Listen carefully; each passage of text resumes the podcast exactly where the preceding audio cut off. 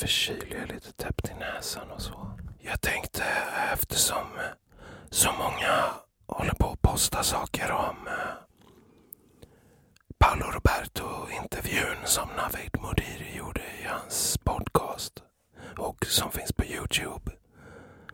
Så tänkte jag att eh, den är ju en och en halv timme lång och man orkar kanske inte lyssna på honom, höra hans röst och så. Paolo alltså, eller Navid också, men båda. Framförallt inte Paulos röst, den orkar inte jag med. Fast jag har ändå sett på det. Jag, jag skrev ner några saker medan jag tittade på det. Förlåt, som sagt, jag är lite förkyld. Men jag hoppas att det är okej att lyssna på mig ändå. Kanske att det är lite bättre än att lyssna på Paolo i alla fall.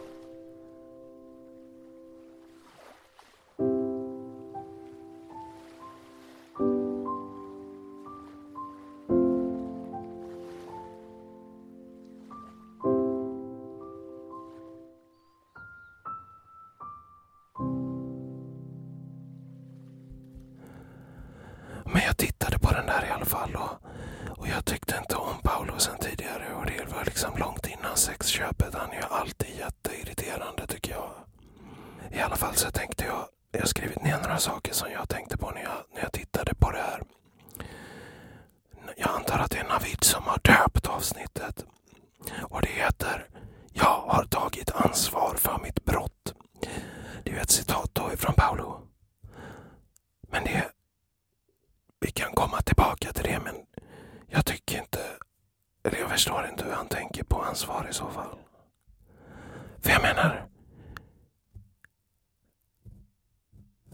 ansvar. Jag tycker att det handlar inte om att ta ansvar, det handlar om att förstå vad det är som har hänt. Och det tycker jag inte att han verkar göra. Okej. Okay. Navid säger i början att han vill ha ett samtal om händelsen, alltså sexköpet. Och ämnet som sådant. Och han vill också prata om personen Paolo Roberto. För han tror att den är mer komplex än, än den bilden som han ofta själv förmedlar när han gör framträdanden i media och så. Navid tror att Paolo är mer komplex än så och därför så vill han skrapa på ytan. Eller han vill göra mer än att skrapa på ytan. Han vill försöka nå kärnan av Paolo Roberto. Se vad som döljer sig där inne. Men i alla fall. Jag tycker att generellt sett så försöker Navid nå, nå den här kärnan genom att omformulera sina frågor och försöka få Paolo att svara på det han vill. Men Paolo kommer bara tillbaka till om hur många företag han har och att han är katolik. Jag ska bara dricka lite whisky, för jag är man. Oh, det är så gott med manlig whisky. Nej, jag skojar. Jag tycker whisky är gott oavsett om det är manligt eller kvinnligt eller något annat.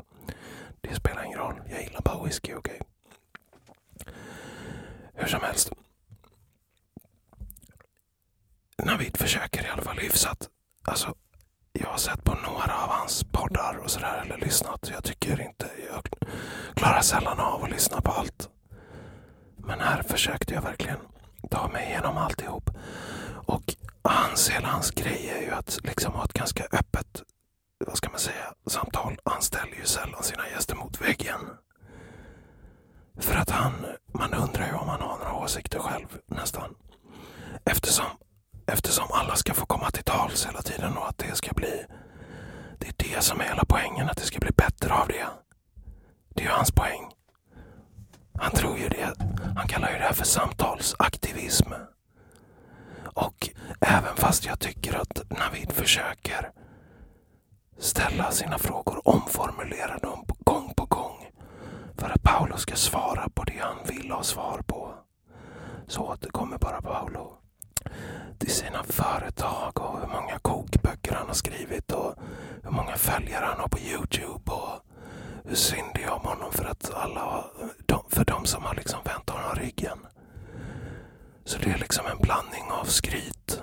Han pratar också om att han har eh, Sankt Mikael tatuerad på sin rygg väldigt många gånger.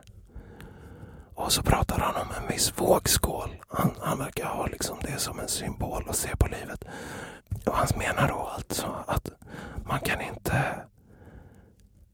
Om, om nu den här, det här sexköpet ligger i ena vågskålen.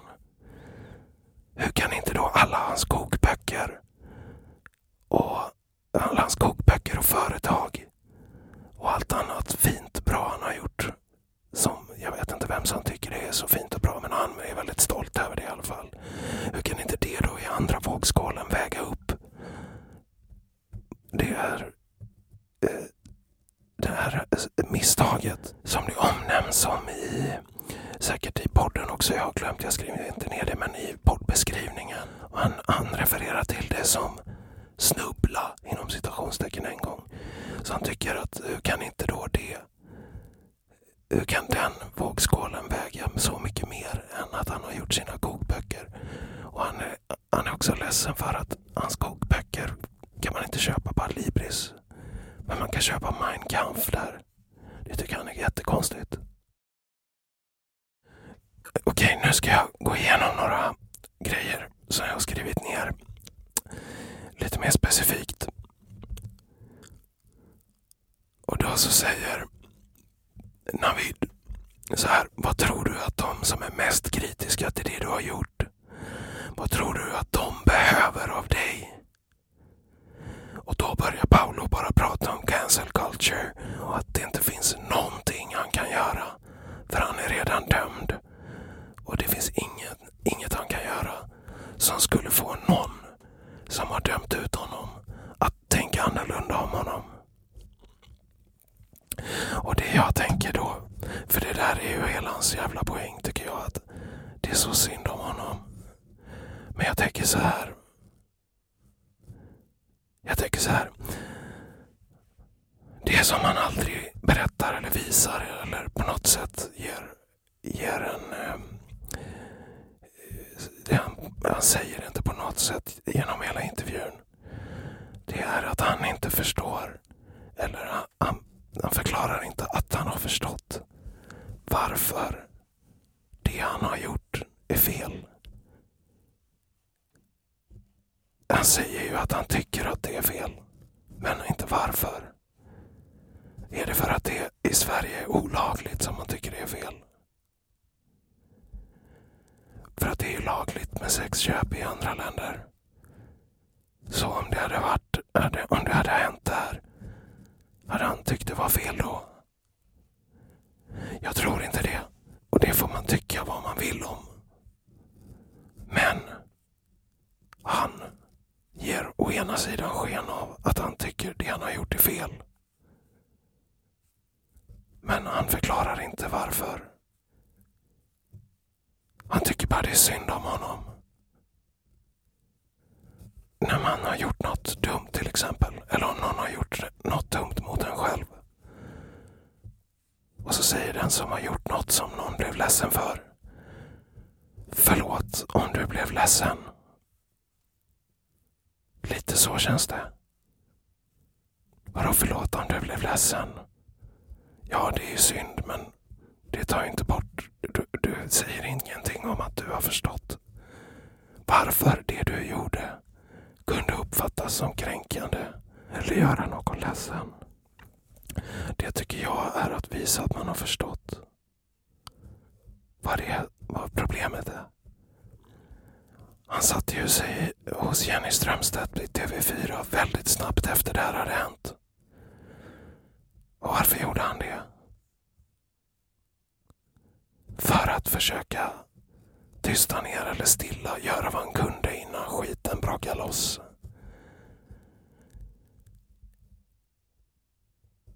Jag tror, inte att han, jag tror inte att han tycker det han har gjort är fel i sig. Jag tror bara att han tycker det är jobbigt att han har blivit dömd för det på det viset. Och då menar jag inte rättsligt. Utan jag menar så som han anser att han har blivit dömd av inom citationstecken vänster, media och sånt.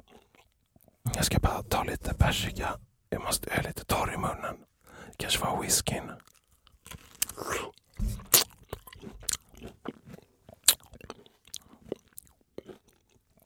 Ganska god persika faktiskt. Så ja. Så för att svara på Navids fråga åt Paolo, eller åtminstone gissa. Vad tror du att de som har varit mest kritiska till det han har gjort, vad är det, vad, vad är det, vad är det de behöver höra av Paolo? Jag tror att Paolo behöver visa att han har kommit till insikt om det han har gjort, att det han har gjort var fel på ett trovärdigt sätt och förklara varför han tycker det är fel. Hur han tänkte innan sexköpet och hur han tänker nu. Han pratar väldigt många gånger om att han har gått till psykolog och präst och pratat om, om hans jobbiga situation. Men det här är en sak faktiskt. Paolo tycker synd om sig själv för att han har blivit dömd så hårt. Det är, ett, det är en rimlig... Eh, det är ett rimligt läge att söka upp en psykolog för att stå ut med att må så dåligt som man säkert gör eller har gjort i alla fall. Då kan det vara skönt att prata med en psykolog. Men jag tror inte psykologen kan få honom att ändra värderingar gentemot det här. Och han, kommer gång, han säger det gång på gång att han inte har ändrat åsikt politiskt eller något sånt. Navid försöker ju greppa efter om han har ändrat åsikt kring andra saker. Men Paolo förstår inte det utan han tror bara att han pratar om feminism och vänsterpolitik. Och det vill han vara väldigt tydlig med. Att han står kvar på samma ställe politiskt som han gjorde innan. Men en sån här sak behöver inte handla om politik, alltså parti, eller liksom vilken sida man står partipolitiskt. Och det försöker Navid också få honom att svara på, men han... Jag tror det är därför Paolo kommer tillbaks till så jävla samma saker så himla många gånger. Det är för att det spelar ingen roll vad han säger, Navid alltså. Paolo det känns nästan som att han antingen så är han bara dum i huvudet eller så har han bestämt sig redan innan han gick dit för vad han ska säga. Och så ser han till att säga det hela tiden. En sak som jag tyckte var lite rolig var att han tycker ju väldigt synd om sig själv hela tiden. Att han har blivit så hårt dömd och att hans företag gick åt helvete och sådär. Men nu har han startat massa nya företag och hej och så att nu går det jättebra för honom igen säkert. Han säger så här, hur ska jag betala lånet på mitt hus? Berätta det för mig. Det tycker jag är jätteroligt. Menar han att någon som har dömt honom för det han har gjort ska komma till insikt och tänka Gud, jag tänkte inte på det. Jag har nog varit lite för hård. Hur ska Paolo betala lånet på sitt hus? Jag ångrar det jag har gjort. Jag känner skam, skuld. Jag ska nog upplysa en psykolog. Han säger också en annan rolig sak. Jag har alltid haft någon som är kriminell anställd i mina företag. Alltid. Jag tycker det roliga är att han säger att han alltid har haft någon som är kriminell anställd i sina företag. Jag vet inte om han menar att han har haft någon som har varit kriminell tidigare anställd i sina företag. Han säger att han jobbar mycket ideellt eftersom han alltid har haft kriminella som anställda. Det tycker jag var roligt sagt.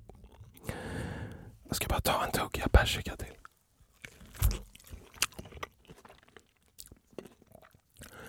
Ganska så saftig men inte så söt. Tyvärr, jag gillar söta persikor. Fast den, den är perfekt saftig för den är inte rinnig men den är inte hård. Precis så som man vill ha en kuk. Skojar bara. Den vill man ha hård och eventuellt rinnig också. Allt eftersom så att säga. Till slut så att säga. Okej. 40 minuter in i den här intervjun så säger Navid det som jag var inne på tidigare. Något i stil med när det kommer till perioder av självrannsakan så brukar Navid i alla fall omvärdera vad han tycker och, och sådär. Och han frågar Paolo om han har ändrat uppfattning och det första Paolo nästan avbryter honom. Du undrar om jag blivit feminist? Ha, ha ha. Ja, alltså. Vad fan har han gjort det senaste året? Man, jag tycker inte man behöver vara feminist för att tycka att det är fel med att köpa sex. Hur som helst. Han berättar ju i alla fall att den moderna feminismen är det sämsta som hänt jämställdheten. Men som exempel på det, varför det är det, så tar han upp att folk hävdar att kvinnor har lägre lön än män i Sverige. Och så försöker han förklara varför det ser ut på det viset. Det tycker jag är det tycker jag är en konstig grej att säga om man nu tycker att den moderna feminismen är det sämsta som hänt jämställdheten. Är det ens den moderna feminismens liksom största fråga som det driver? Att, att, det, att män och kvinnor har olika lön. Även om det är det så tycker jag att hur kan det vara det värsta som har hänt jämställdheten? Att någon hävdar att män och kvinnor har olika lön. Hur kan det vara det sämsta som har hänt jämställdheten? Det känns som att han har fastnat lite. Han är inte intresserad av att lyssna på folk som... På någon, tror jag inte. Navid fortsätter och han frågar vilka delar av feminismen kan du ta till dig? Och då så säger han så här. Något i stil med alla ismer är ute och cyklar fullständigt jämt. Och då har han dittills inte intervjun nämnt 450 gånger, skojar Men han har nämnt jättemånga gånger att han är katolik och stoiker. Han pratar om katolicismen och stoicismen. Det är också ismer, din dumma jävel. Efter det här med att han frågar om det är något han har ändrat åsikt om så säger han ju nej, inte politiskt, svarar han. Och då säger Paolo, eller Navid, ja men mänskligt då kanske. Och då så säger han så här, som jag sa innan, att jag snubblar en gång. Ta inte bort att jag har skrivit 13 böcker, boxat VM-titlar, bla bla bla. Nej, men vem fan bryr sig om du har boxat VM-titlar? Eller skrivit 13 kokböcker? Alltså... Det är helt... Det är... Ja, jag vet inte. Varför skulle någon bry sig om kokböcker? Missförstå mig rätt, jag tycker om kokböcker. Men ändå. Ja, men så framåt slutet så, så kvarstår frågan för mig. Varför ångrar sig han, äh, Paolo överhuvudtaget? Det här tyckte jag också var roligt. Eller roligt och roligt, men skrattretande. Jag ska bara ta den sista whiskyn jag har kvar här. Vänta lite.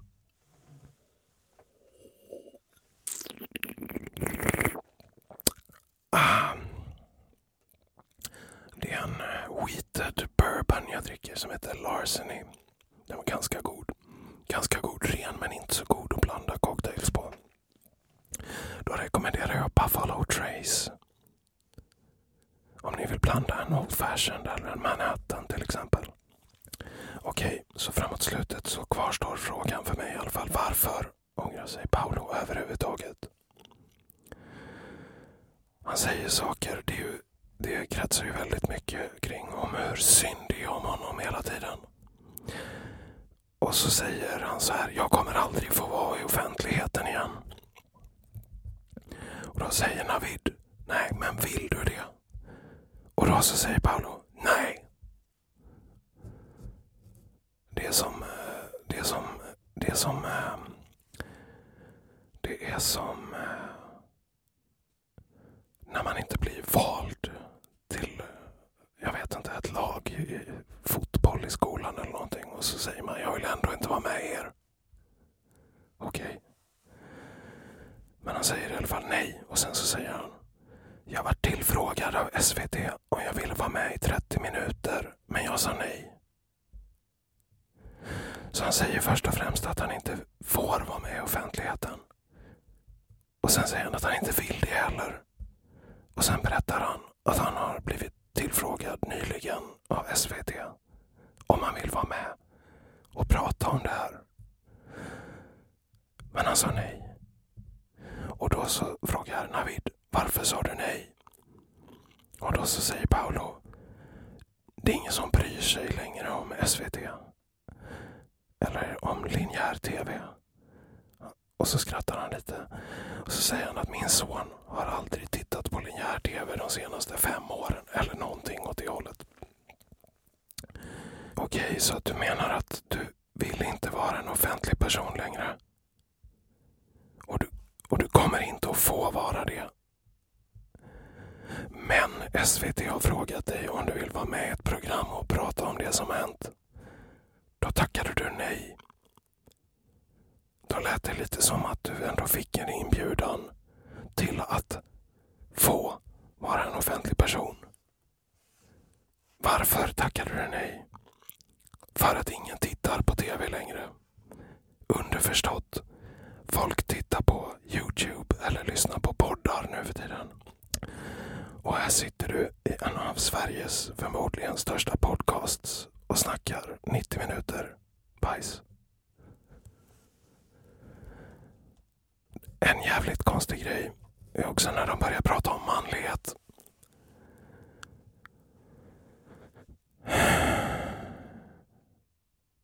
Jag tycker att Okej, okay, jag kan säga vad jag tycker efteråt. Jag ska först säga vad de säger. Paolo säger att han tycker att macho-snubben är det absolut finaste. Det absolut starkaste. Något av de absolut vackraste sakerna förutom att vara moder. Så är det machomannen. Han säger när lejonet kommer. Vem är det som blir kvar? Vem är det som står kvar? Jag tycker det är jätteroligt. Vad i helvete menar han?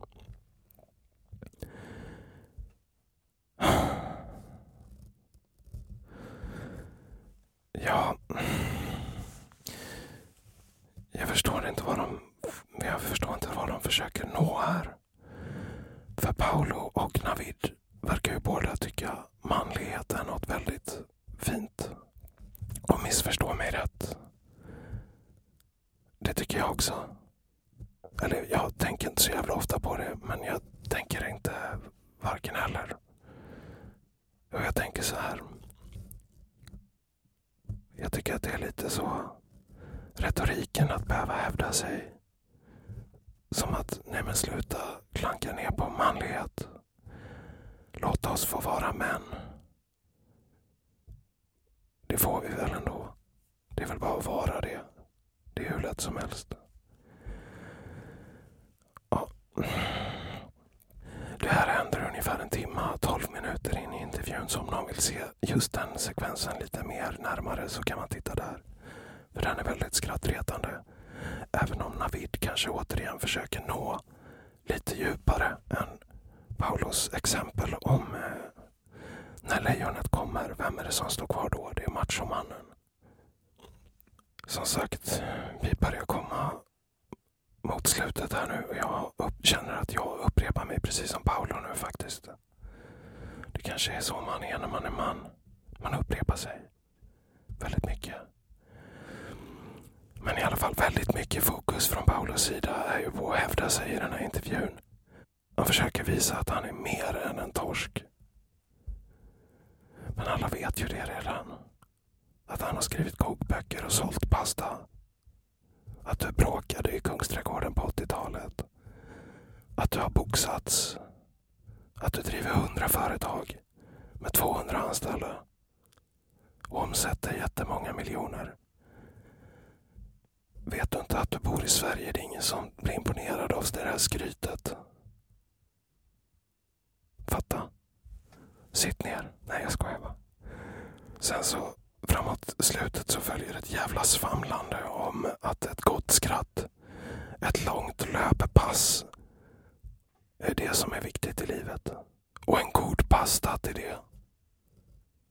Det är som att han liksom tar udden av hela samtalets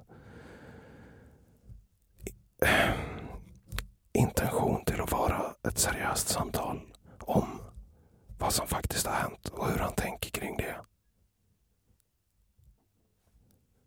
Vad är det för jävla livsfilosofi? Alltså, återigen det här med gått till psykolog och pratat med präst. Ja, okej, okay. vad har du pratat om? Det vill jag höra. Ja, jag tänkte som avslutande grej här så kan vi gå igenom några få kommentarer ifrån eh, Youtube och Instagram. På Youtube så är det väldigt många som, som backar Paolo och skriver saker som svensk media är ett skämt. Någon skriver de goda i Sverige har gått många gånger över gränsen och blivit hatiska i sin godhet. De gör allt för att skada. Det kallar jag inte godhet. Intressant intervju, lycka till. Nu, ska jag, nu är jag inne på Paulos Instagram och så ska jag kolla på kommentarerna till inlägget som han har lagt upp där han står med armarna i kors bredvid Navid Modiri. Han har tyvärr stängt av kommentarerna på det. Jag kollade på det här inlägget igår tror jag det var. Fan också. Jag kan kolla i och för sig Navid eh, om det finns några kommentarer där på hans Instagram. Någon skriver att det behövs inte ges mer tid i media till män som kommer med kvasi-ursäkter när de blivit påkomna med brallorna nere. Och jag kan hålla med om att det är kvasi-ursäkter. Jag håller med om att det hade varit annan, en annan sak om, om man hade en rimlig ursäkt. Men huruvida det ges tid det får man göra som man vill om man har en, om man har en podd. Och det är jävligt enkelt att inte lyssna på podden. Jag vet inte om jag tycker det är dåligt att Navid kan starta en podd och prata med Paolo om det här.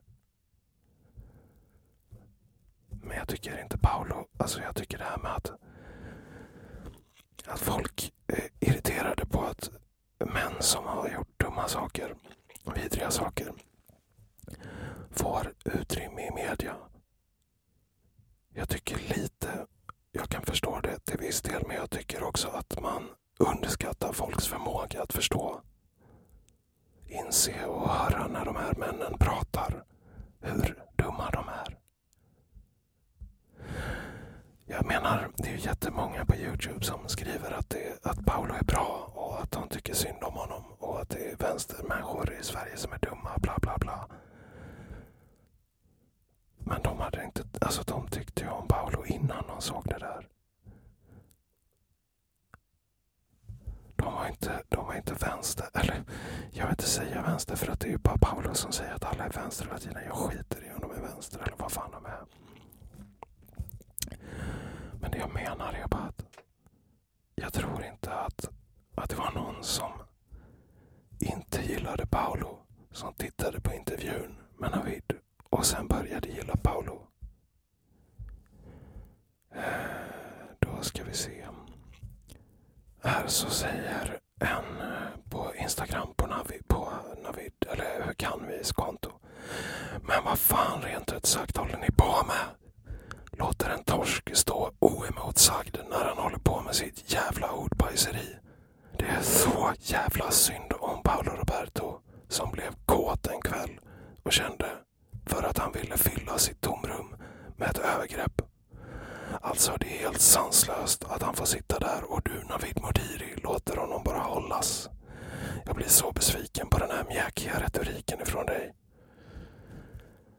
Jag kan hålla med om att hans retorik är något mjäkig. Men jag tycker återigen att man förstår att Paolo Roberto är dum i huvudet själv av att titta på det där. Jag, jag tycker inte om Navid Modiris podd generellt sett. Men, men jag tycker ändå att eh, han försöker få Paolo att svara på, den här, på frågorna som, som alla undrar, antar jag. Men det går inte. Han kan inte svara på de frågorna och jag tror att anledningen till att han inte kan det är för att han, har, han tycker inte han har det som man förväntas höra eftersom han har påstått att han ångrar sig. Det får man aldrig höra. För att han ångrar sig inte av den anledningen. Som skriver så här. Total cringe, total cringe på detta avsnitt. Sällan har jag hört dig kämpa så, Navid Modiri, att få igång ett samtal. Sällan har jag hört någon vara så stängd i dina intervjuer som Paolo Roberto. Kändes det lika stelt i studion som i mina lurar? Sen så skriver någon som svar på det. Det var som att Paolo bara pekade på alla andra och Navid gav upp innan han ens hade försökt. Det är ingen idé liksom. Ja, lite så känns det faktiskt. Så nu, nu behöver ni inte titta på det där. Utan ni kan bara nöja er med att ni har varit i en, ett tryggt rum med en snäll kille. Okej? Okay? Tack för att ni har lyssnat. Puss och kram.